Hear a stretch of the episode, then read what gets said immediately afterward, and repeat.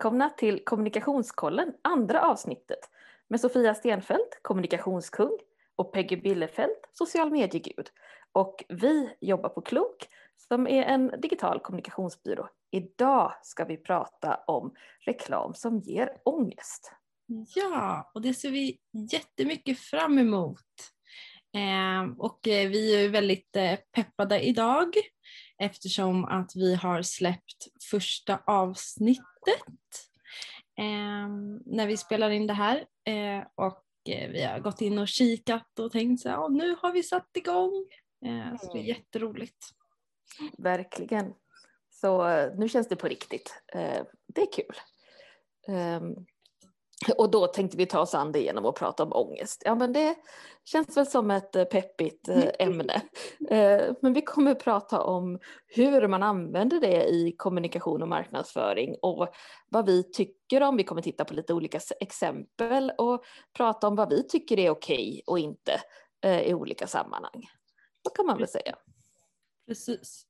Ehm, och Eh, vi tänkte börja, ska vi börja prata lite generellt om att framkalla känslor eh, när det kommer till digital marknadsföring och kommunikation. För det är ju någonting som vi pratar väldigt mycket eh, om när vi utbildar och det i sig är ju ingenting negativt. Nej, verkligen inte. Det är ju i kommunikation så jobbar vi ju hela tiden med känslor och i marknadsföring. Vi fattar ju beslut på grund av våra känslor. Det är ju liksom ingen som som köper en viss produkt eller en viss tjänst för att den är objektivt, några jeans är objektivt bättre än några andra, utan det är en viss känsla man vill ha. Känslan av att bidra till något gott, om det är miljövänliga jeans till exempel, eller känslan över att, av att vara snyggare än alla andra på skolan, om det är något, något annat sammanhang kanske. Precis. Eh, och, och, och kommunikation och digital marknadsföring blir väldigt platt eh, om vi inte på något sätt försöker relatera till människors känslor. Och det är mycket roligare att arbeta med det också, så det är en central roll i, i när man eh, jobbar med det. Ja men verkligen. Mm. Um, och det är ju den reklamen som, som blir bra, uh, mm. som på något vis kopplar till, till vår, vår vardag och våra känslor i vardagen. Mm. Och, och, det här ser ju lite annorlunda ut eh, beroende på vart man är i världen. Jag har sett ganska mycket reklamfilmer från eh, Östasien och då är det oftast, eller jag har sett väldigt många som är reklamfilmer som är en historia från början till slut som är väldigt gripande eh, och oftast väldigt sorgliga. Mm -hmm. Så att jag själv nästan har suttit och, och bölat lite och sen så kommer det in i slutet ja, men att ja, men sälj, säljer någon produkt men att de jobbar mycket med storytelling och väldigt starka känslor. Och det är ju intressant för i svensk reklam har vi ju traditionen att jobba väldigt mycket med humor eh, mm. och känslor kring liksom att skratt och saker ska vara roliga och sådär. Eh, som är ju ja, en del då av vår reklamkultur kanske. Mm. Superkul. Mm. Um, så, det, så, så generellt så är det ingenting eh, konstigt att jobba med att framkalla känslor, om det är glädje eller om det är sorg eller om det är som vi ska prata om idag, ångest. Eh, men oavsett vilken känsla man vill framkalla så eh, kan det ju bli fel. Mm, alltid. Eh, och det är inte alla känslor som passar. Om vi tar exempelvis humor så passar det absolut inte alltid. Nej. Nu tänker jag på om man försöker marknadsföra likkistor med humor till exempel. Mm. Eh, eller vem vet, kanske skulle det bli bra. Jag tänkte också, det, det kan nog kanske funka men eh, eh, inte för alla. Man behöver ha väldigt mycket fingertoppskänsla i så fall. Precis. Och vara redo på eh, kritik som kan komma. Tänker jag. Mm. Och jag tänker också det här med att eh, och, och liksom ångest som känsla i reklam. Det kan ju finnas saker som i sig är ångest framkallande. Att en nära anhörig dör till exempel. Mm. Men det vi pratar om nu är också när reklamen vill skapa ångest av olika skäl eh, som, som kanske inte redan finns i situationen. Eh, mm. Så det ska vi utforska lite idag. Mm. Spännande. Mm. Så jag tänkte, ska vi börja med att ta några exempel så att ni alla är med på vad, vad vi pratar om. Ska, vill du börja? Ja, eh, och jag känner att jag vill börja med det här exemplet från tidningen Fokus som, som är, eh, ja men det kom bara för någon vecka sedan. Eh, Fokus är en tidning som, som skriver om aktuella nyheter, en tidskrift. Och de har då eh, gjort en, en annons och på bilden så är det en hund som ser väldigt söt ut och så eh, är det en som håller en eh, pistol mot hundens huvud. Och så står det två riktigt bra erbjudanden. Tackar du nej till båda så skjuter vi hunden. Ja, eller hur? Det är så tokigt! Och så står det lite så här om hunden. Bessie 17 månader, Shetland Sheepdog, intressen, mat, bollar, promenera, hoppa med mera. Eh, så att man ska få riktig så koppling till, till den här hunden. Jag tror att de har tänkt att det här är humor. Ja. Men eh, det är också jättemånga som liksom då har väldigt starka känslor kring djur och kring sina husdjur och som bara tycker att, men vad fan, liksom, jag vill inte tänka på att mina djur ska dö, ska dö. Plus en del som tycker det är osmakligt. Men jag tycker att det här, det här var ett sätt när de liksom, lite udda exempel när de lyckades framkalla massa ångest hos folk utan att det kanske var riktigt meningen, fast samtidigt och ändå meningen. Mm. Om du tackar nej så skjuter vi hunden. Jag hopp, det kommer de ju inte göra förstås. Men ändå liksom att det är det som ska motivera mig. Ångesten över den skjutna hunden på något vis är det som ska motivera mig till att ta det här erbjudandet. Det är väldigt, jag är nästan lite tacksam att man fick se ett sånt här exempel för det är så, det är så speciellt. Ja, det är verkligen så speciellt. Eh, just där, på det sättet kanske det inte är så bra som exempel att inleda med, men jag kunde inte låta bli. Mm. Det är... Ja, där har vi ett väldigt eh, tydligt exempel. Mm. Vi vill eh, ge skuldkänslor som också är för, Mm. väldigt nära förknippat med mm, ångest. Men, Eh, vi, vi brukar ju prata om det här med att sarkasm är ju någonting som man behöver akta sig för för det är inte alla människor som heller förstår det. Eh, och här blev det lite, ja. Sen så kan det ju också, även som görs som sarkasm kan ju också vara dåligt. ja. Eh, det, det är så lätt att säga, men det var ironi eller det var humor eller det var sarkasm. Ja, men det kan ju faktiskt vara dålig humor eller dålig Mm. sarkasm eller dålig ironi. Precis. Men om jag ska ta ett lite mer klassiskt exempel då, Mm. så skulle jag vilja lyfta upp sån här reklamer för olika typer av, av pensionssparande och pensionsförsäkringar, som ju, jag skulle säga, mycket handlar om, om dödsångest och där man ofta eh, liksom försöker ge känslan av att om du inte pensionssparar så kommer du bli fattigpensionär. Det är ofta saker som, det här vill du väl kunna fortsätta göra och eh, du vill väl att ditt pensionärsliv ska, ska se ut så här och så, och så är det liksom på något vis underförstått att om jag inte sparar så kommer jag inte kunna spela golf och träffa mina barnbarn och eh, göra de här grejerna utan, eh, utan jag ska liksom få lite ångest över min, över min ålderdom och därför ska jag redan nu börja sätta av en massa pengar. Eh, så där tycker jag att det är väldigt tydligt att man, att man försöker framkalla en underliggande ångest även om man inte rakt ut säger i reklamen att att du kommer få äta kattmat, eh, vilket ju man inte kommer för kattmat är dyrt. Eh, men så är det ändå det som ligger i bakgrunden, det, det är den där liksom ångesten över framtiden som man anspelar på. Mm. Och, och här tänker jag på, på två saker. Det ena är att, att den, här sättet, den här typen av kommunikation är vanligare i vissa branscher. Alltså när man, eh, om, om vi säger kanske miljö eller, eller sådana här, pension är ju en sån, sån grej. Att det är vanligare. Jag tänker också att så här, spelar på rädslor som redan finns. Mm. Absolut. Stärka den, den rädslan som, som många har eller eh, en oro eller en ångest som, som redan finns. Eh, det är ju liksom debatt om det och det pratas om mycket om hur blir det för pensionärerna och så. Mm. Ja men eller hur. Eh, och, och jag håller med om att det förekommer mycket inom ja, men pension. Där förekommer det jättemycket. Men även i andra sammanhang så kan det ju liksom vara eh, ångesten över att inte få tillhöra gruppen om du inte har de senaste grejerna eller eh, att bli utanför liksom om du inte får komma med på, på skidresa som alla åker på. Liksom att det, kan, det är många sådana såna ångestkänslor eller känslor, svåra känslor som vi har som man liksom verkligen kan trigga igång i, i olika sammanhang.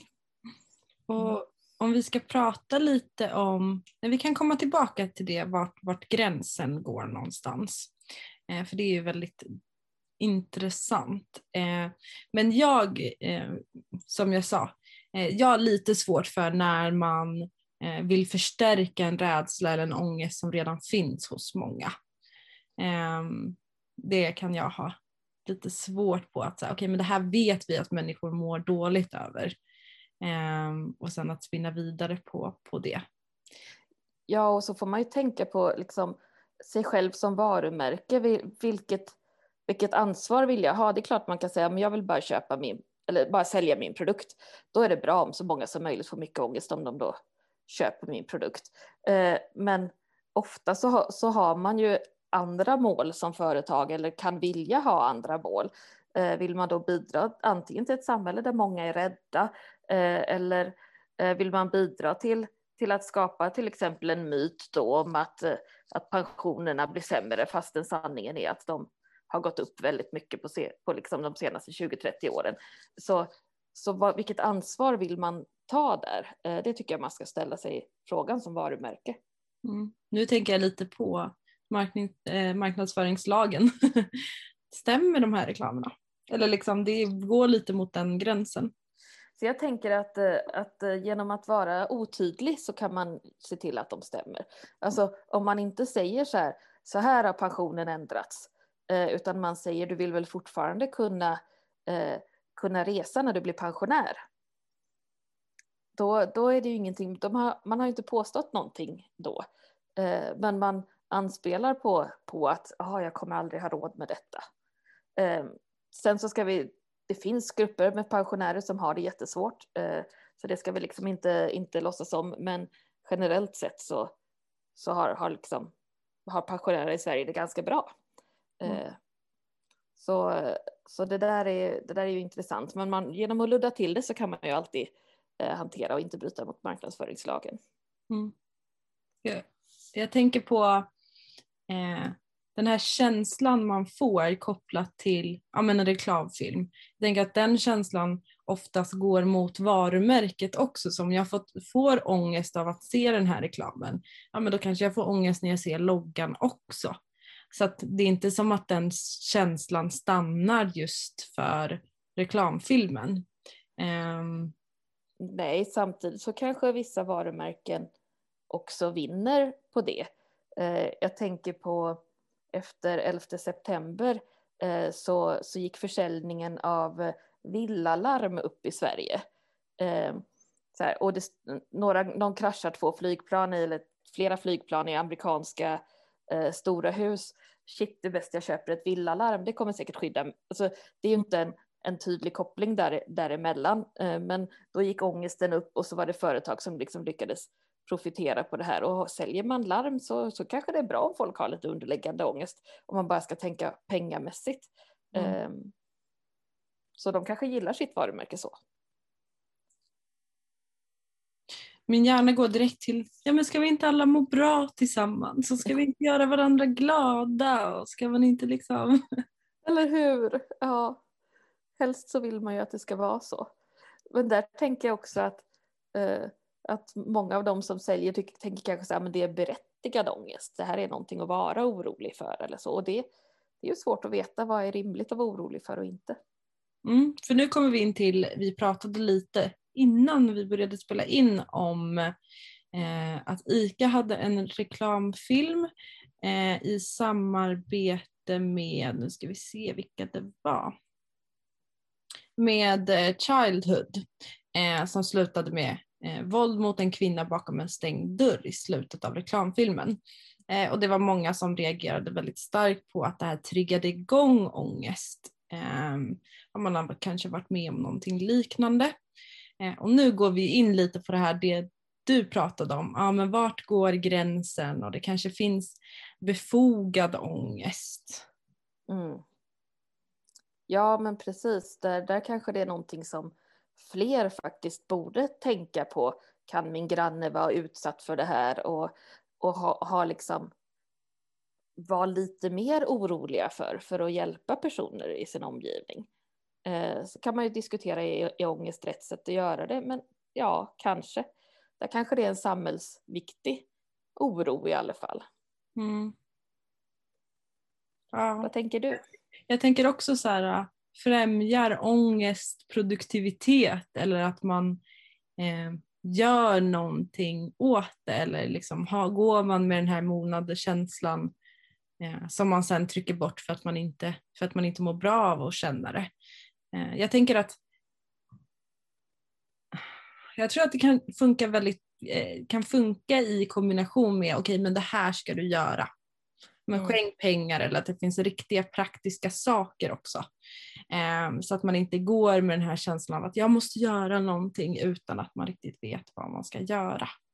Så jag vet inte om man ska lämna den som har sett det utan några verktyg. Om vi tar det här som exempel, ICAs reklamfilm. Mm.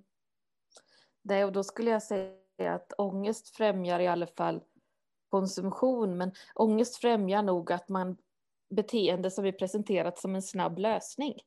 Mm. Eh, nu tänker jag också på det här som vi har pratat om eh, tidigare, du jag med föräldraångest. Liksom. Om, ja, men om jag bara köper den här barnvagnen eller tecknar den här barnförsäkringen, då kommer det bli bra för mitt barn.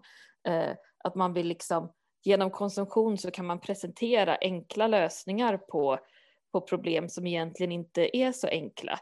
Eh, eller om jag bara om jag bara gör den här dieten och går ner fem kilo i vikt, då kommer jag känna mig glad och, och omtyckt och sådär. Eh, så, så jag tror att ångest kan leda till väldigt mycket handlingar om man, precis som du säger, man presenterar dem så och så som en enkel lösning som ofta då är falsk. Eh, men jag skulle säga att mycket, mycket reklam går ut på att, att försöka få få min produkt eller tjänst eller vår produkt eller tjänst att framstå som den här fantastiska lösningen på, på ångesten. Så kan vi då säga att gränsen handlar om vad man får personer att göra? Ja, kanske i alla fall. Um, jag tänker vi måste, vi måste gå in och prata lite på om, om reklam till kvinnor innan vi kan prata om ja. gränsen.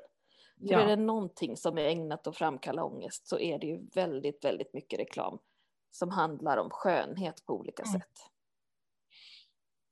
Ja, jag tar en suck för att det, eh, det är ganska överväldigande. Mm. Eh, och jag har i mina egna flöden bestämt att jag inte vill ha någon eh, marknadsföring av skönhetsprodukter eller kläder överhuvudtaget. Mm. För att i min hjärna går jag runt och tänker på nej men jag måste göra om hela min garderob. Mm. Och nu vill jag kanske, kanske måste klippa håret eller mm. ja, men nu är det sommar, måste jag vara sommarfin.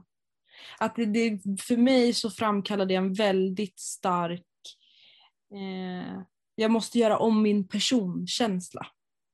Och min kropp. Jag mm. måste göra om min kropp. Mm. Eh, och och, och här är ju, det är så starkt i, i liksom, eh, ja, att kvinnor ska vara på ett visst sätt för att anses vara tilltalande i samhället, vilket ju eh, ofta tilldelas kvinnor. Så jag, jag kommer kom ihåg en gång när jag var ung och så läste jag i Veckorevyn, som var tidningen som vi läste på den tiden, om hur man skulle göra för att få snyggare armbågar.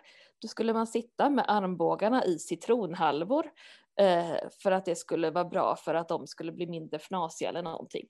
Innan det hade jag ju aldrig någonsin tänkt på mina armbågar eh, och på att de skulle kunna vara eh, inte snygga eller sådär.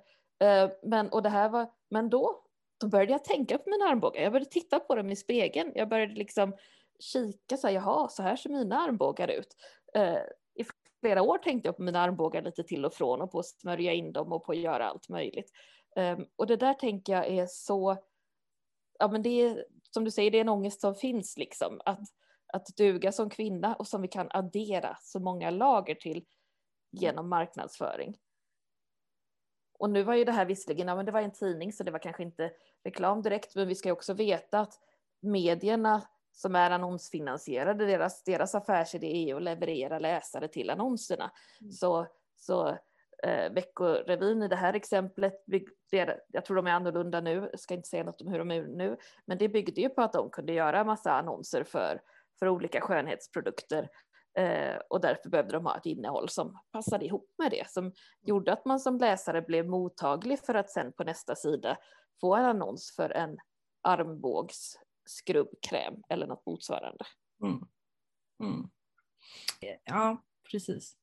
Och det jag tänker också blir att för mig när det är eh, reklam som är riktad mot kvinnor så spelar inte reklamen så stor roll för att det är så det är liksom så ingrott och det är så mycket av den här typen av, av reklamer riktade mot kvinnor att det spelar nästan inte någon roll vad det är för typ av annons utan bara jag ser att okej okay, nu är det klänningar och nu är det toppar och det är som att det liksom har virvat ihop sig lite för mig.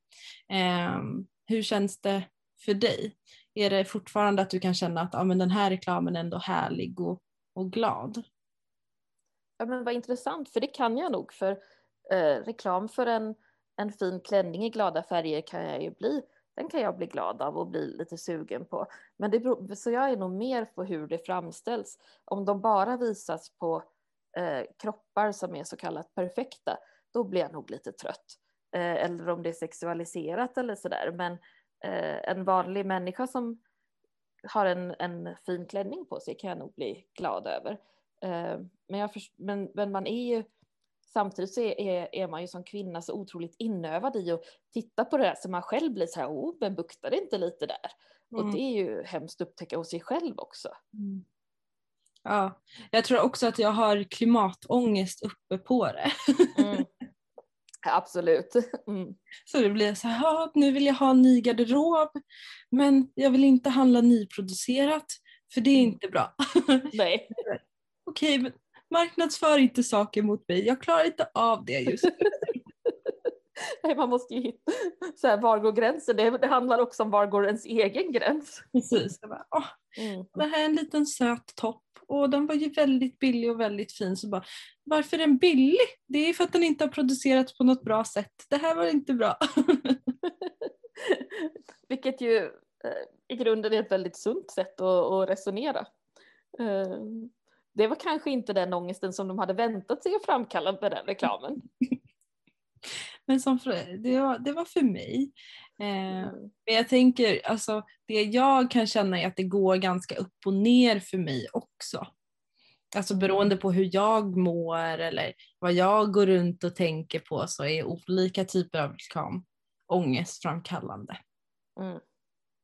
Jo men absolut, det, det känner jag igen mig Men också att reklam ger mig nya saker att ha ångest över. Eh, jag är ju i den åldern när det poppar upp reklam som handlar om mina rynkor på olika, olika ställen. Eh, och eh, bara häromveckan så fick jag, fick jag någon sån reklam och det kom från en person som jag följer som jag liksom inte trodde skulle ha sånt. Men som pratade om hur någon speciell kräm var bra mot hennes fina linje vid munnen. Eh, varpå jag gick och kollade i spegeln och konstaterade att ja, men jag har fina linjer vid munnen. Som jag då inte har tänkt på innan. Eh, nu köpte jag ändå inte produkten för jag, för jag tänker det, de där ska fan inte få, få tvinga in mig i och tycka att det är viktigt. Men, men det är ändå så svårt att, att vara, i alla fall för mig, att förhålla mig helt kall till det. Mm. Eh, det är ändå som att de skapar någon slags bild av hur man ska vara som jag behöver lägga lite energi på och inte vara. Mm. Och där, där, där är ju lite obehagligt det här med att skapa problem för personer. Alltså det mm. här är ett problem fast man själv inte har uppfattat det som ett mm. problem. Eller det här är någonting som du behöver lösa. Jaha, mm. det visste jag inte. Och jag tänker att det är också en, nu, nu blir det så lite så historisk exposé över reklam. Mm. För, för det är också en del i i reklamen. För, för när den uppstod liksom i slutet på 1800-talet så var det ju som en effekt av industrialiseringen, att före industrialiseringen, om, om jag behövde, om mitt bord gick sönder så gick jag till snickaren och så sa jag, kan du bygga mig ett bord? Eh, sen så byggde vi fabriker och så kunde vi producera 10 000 bord. Men då måste man ju berätta för folk att de behöver de här borden. Så då måste vi skapa behov hos dem. Till exempel behovet av att ha ett modernt bord eller ett bord med lådor eller ett eh, eh, bord som är lätt att torka av eller vad som helst. Mm. Och så uppstod reklamen för att skapa de här behoven. Så det är ju liksom en del i marknadsföringens kärna är ju att, att skapa behov för att hantera all den, allt det som vi, den överproduktion som vi har. Mm. Eh, och redan det är ju liksom i grunden något sjukt i. Mm. Så ja. Ja, jag tycker det, det, det är intressant. Ja, men det är väl just det att jag kan se skillnad i att okej, okay, men här ser vi att det finns ett behov på marknaden. Mm. Och att så här, ja men nej, men det finns ju krämer för de här och de här rynkorna, men är det någon som har tänkt på det här? Mm. det här är någonting som vi skulle kunna få dem att tänka på för att sälja mer. Fast varför är det överhuvudtaget ett behov att vara rynkfri? Ja.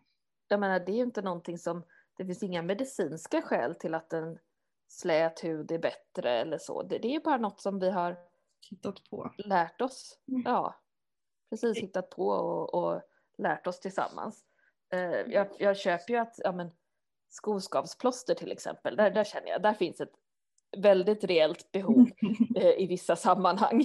Uh, men, men mellan dem och antirynkkräm så är det ändå liksom, ja men det är en viss skillnad tycker jag. Och eh, rynkor är jättefint tycker jag. Och man ser att man, personen har skrattat och varit glad och levt livet. Precis, lätt för dig att säga som är 20 år yngre än mig. jag kommer tycka så då också. Ja. Det är jag säker på. Ja, men jag håller med. Och jag, jag, jag tycker så ofta, men jag tycker också det är intressant hur, hur lätt det är att ändå fångas mm. av det här. Mm. Eh, att ställa sig utanför är, är inte enkelt. Mm. Um, och särskilt inte som kvinna där man har blivit inlärd att så mycket av ens värde är liksom hur man bedöms av, av andra. Mm. Och jag kan eh, ge lite tips till de som lyssnar och kanske känner igen sig i. Eh, nu har ju både du och jag sagt att vi får lite ångest av de här grejerna. Eh, det jag brukar göra är att jag brukar eh, oftast när man får upp en annons så kan man klicka, brukar vara i högra hörnet så kan man eh, dölja. Eh, det ser lite olika ut i olika eh, medier men man kan i alla fall säga så här, men jag vill inte ha sån här typ eller jag vill inte mm. få någon reklam från den, just det här företaget. Mm. Um, så det kan man göra.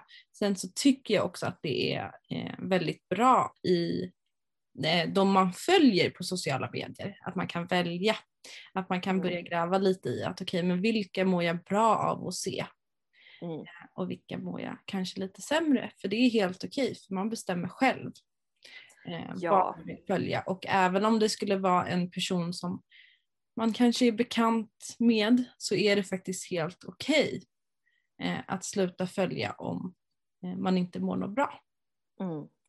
Verkligen, och det är ju en sak som är så fantastisk nu jämfört med om vi går tio år tillbaks, att det finns alla de här människorna att följa som inte är eh, exakt enligt den perfekta mallen. Eh, massa olika konton med folk som har olika kroppar med, med olika funktionshinder eller olika färger eller olika storlekar. Eh, och så, så vi har ju möjligheten att få en mycket bredare bild nu. Man behöver anstränga sig lite för det, men har man liksom väl börjat följa ett gäng sådana konton, då får man också tips om fler mm. oftast. Mm. Så, så det har, tycker jag har hjälpt mig att lindra, lindra liksom också min bild av hur jag ska vara mm. Eh, och ångest relaterat till det. Mm. Och det har jag också gjort och det tycker jag också har hjälpt mycket. Mm. Jag tycker det är så intressant det här liksom att eh, ja, men väldigt mycket reklam ger då ångest och det, det liksom anses som att det funkar eftersom de fortsätter med det här. Eh, om vi ser liksom väldigt mycket av skönhetsreklamen och allt annat, pensionsreklamen uppenbarligen, så, så funkar ångest i reklamsyfte. Eh, men samtidigt så är det så många som blir arga på när klimatinformation ger ångest. Mm. Eh, och det tycker jag är intressant för där kan jag ju tänka att det, att det är relevant. Eh, hur tänker du kring det? Jag tycker att det här är väldigt roligt nu för att vi har ju inte sagt att vi ska vara objektiva i den här. Nej. Utan vi är helt subjektiva, det har vi ju sagt. Mm -mm. det handlar ju då om vad, vad har man egentligen för värderingar? När är det, I vilket ändamål är det okej okay att använda ångest? Och, eh, jag, jag kan tycka att okay, men klimatångest har gjort att jag har gjort positiva förändringar i mitt liv. Så mm. eh, flyger inte om jag inte måste eller det inte finns något alternativ. Eh, handlar mycket second hand, jag är vegetarian och så vidare. Mm. Eh, men samtidigt nu när vi har pratat om de här ångestkänslorna för olika ändamål eh, så, så börjar jag fundera lite på, okej okay, men jag hade kanske kunnat komma till det på något annat sätt. Mm. Hade du det? Kanske inte lika snabbt. Nej. Nej, för jag tänker att det är ju, om man, om man tänker mer politiskt så är, är ju också ångest och, men också ilska och jobbiga känslor över att läget är som det är kan ju vara det som leder till att man vill göra en förändring. Men ångest är väl, kanske då går mer på individnivå. Det är väl det som är, eh, är det svåra.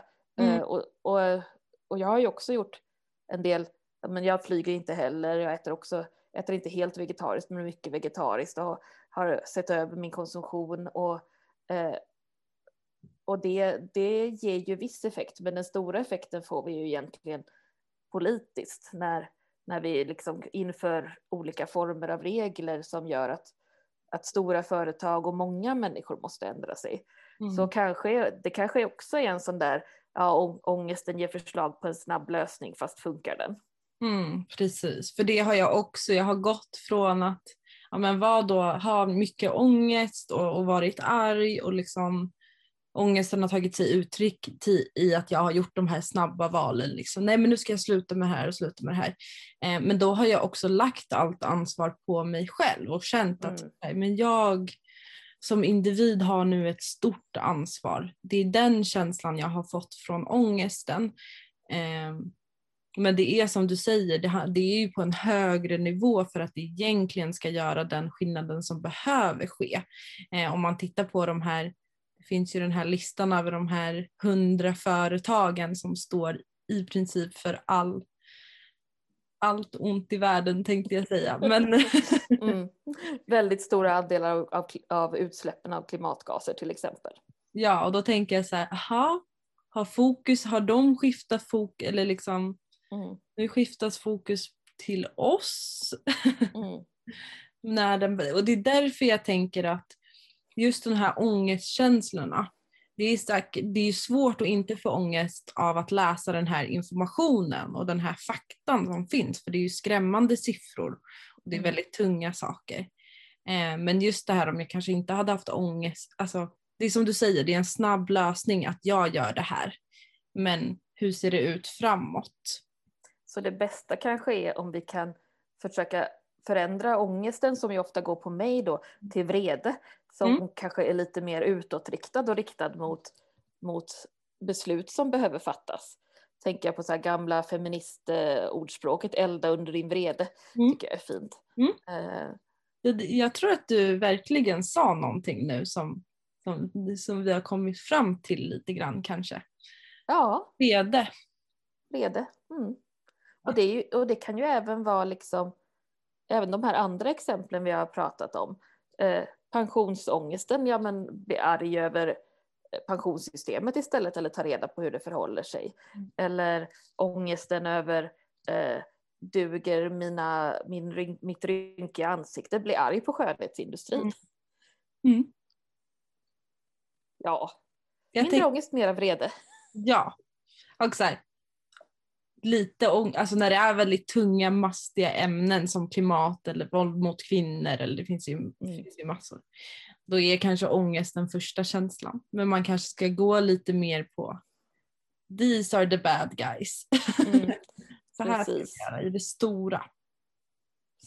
Ja men eller hur. Samtidigt som är ju just med klimatfrågan är det intressant för där till, ja det finns de här liksom miljardärerna och stora företagen och sådär. Men samtidigt så är ju vi också som bor i Sverige mer bad guys än majoriteten av jordens befolkning. Mm. Så, så jag tycker det är rimligt att göra att vi gör vissa förändringar men inte att vi lägger det helt på, på oss själva. Mm. Ja, det är väldigt svårt. Mm. Det, det, är en, det är en svår fråga. Eh, Jag tänker att det är bra bara att vara medveten om att eh, mycket av den marknadsföring man får till sig eh, vill att man ska känna på ett visst sätt. Mm. Så när du känner ångest av reklam, stanna och fundera, vem tjänar på att jag känner den här ångesten? Mm. Och ska jag bli förbannad istället? Ja, precis. Det var ju en, en toppen sammanfattning av idag. Ja, men- Vet Ja men vad bra. vet om eh, att det är någon som tjänar på din ångest. Ja men med de kloka orden kanske vi ska knyta ihop säcken för idag. Jag tror vi gör det. Och sen så får vi väl gå vidare med vår ångest någonstans. Eller hur? Det kanske blir fler ångestavsnitt. ja, det blir ett argt avsnitt nästa vecka. Ja men eller hur? Eh, tack till alla som har lyssnat. Eh, vi, vi hörs en, ytterligare en gång hoppas vi. Hej då! Hej!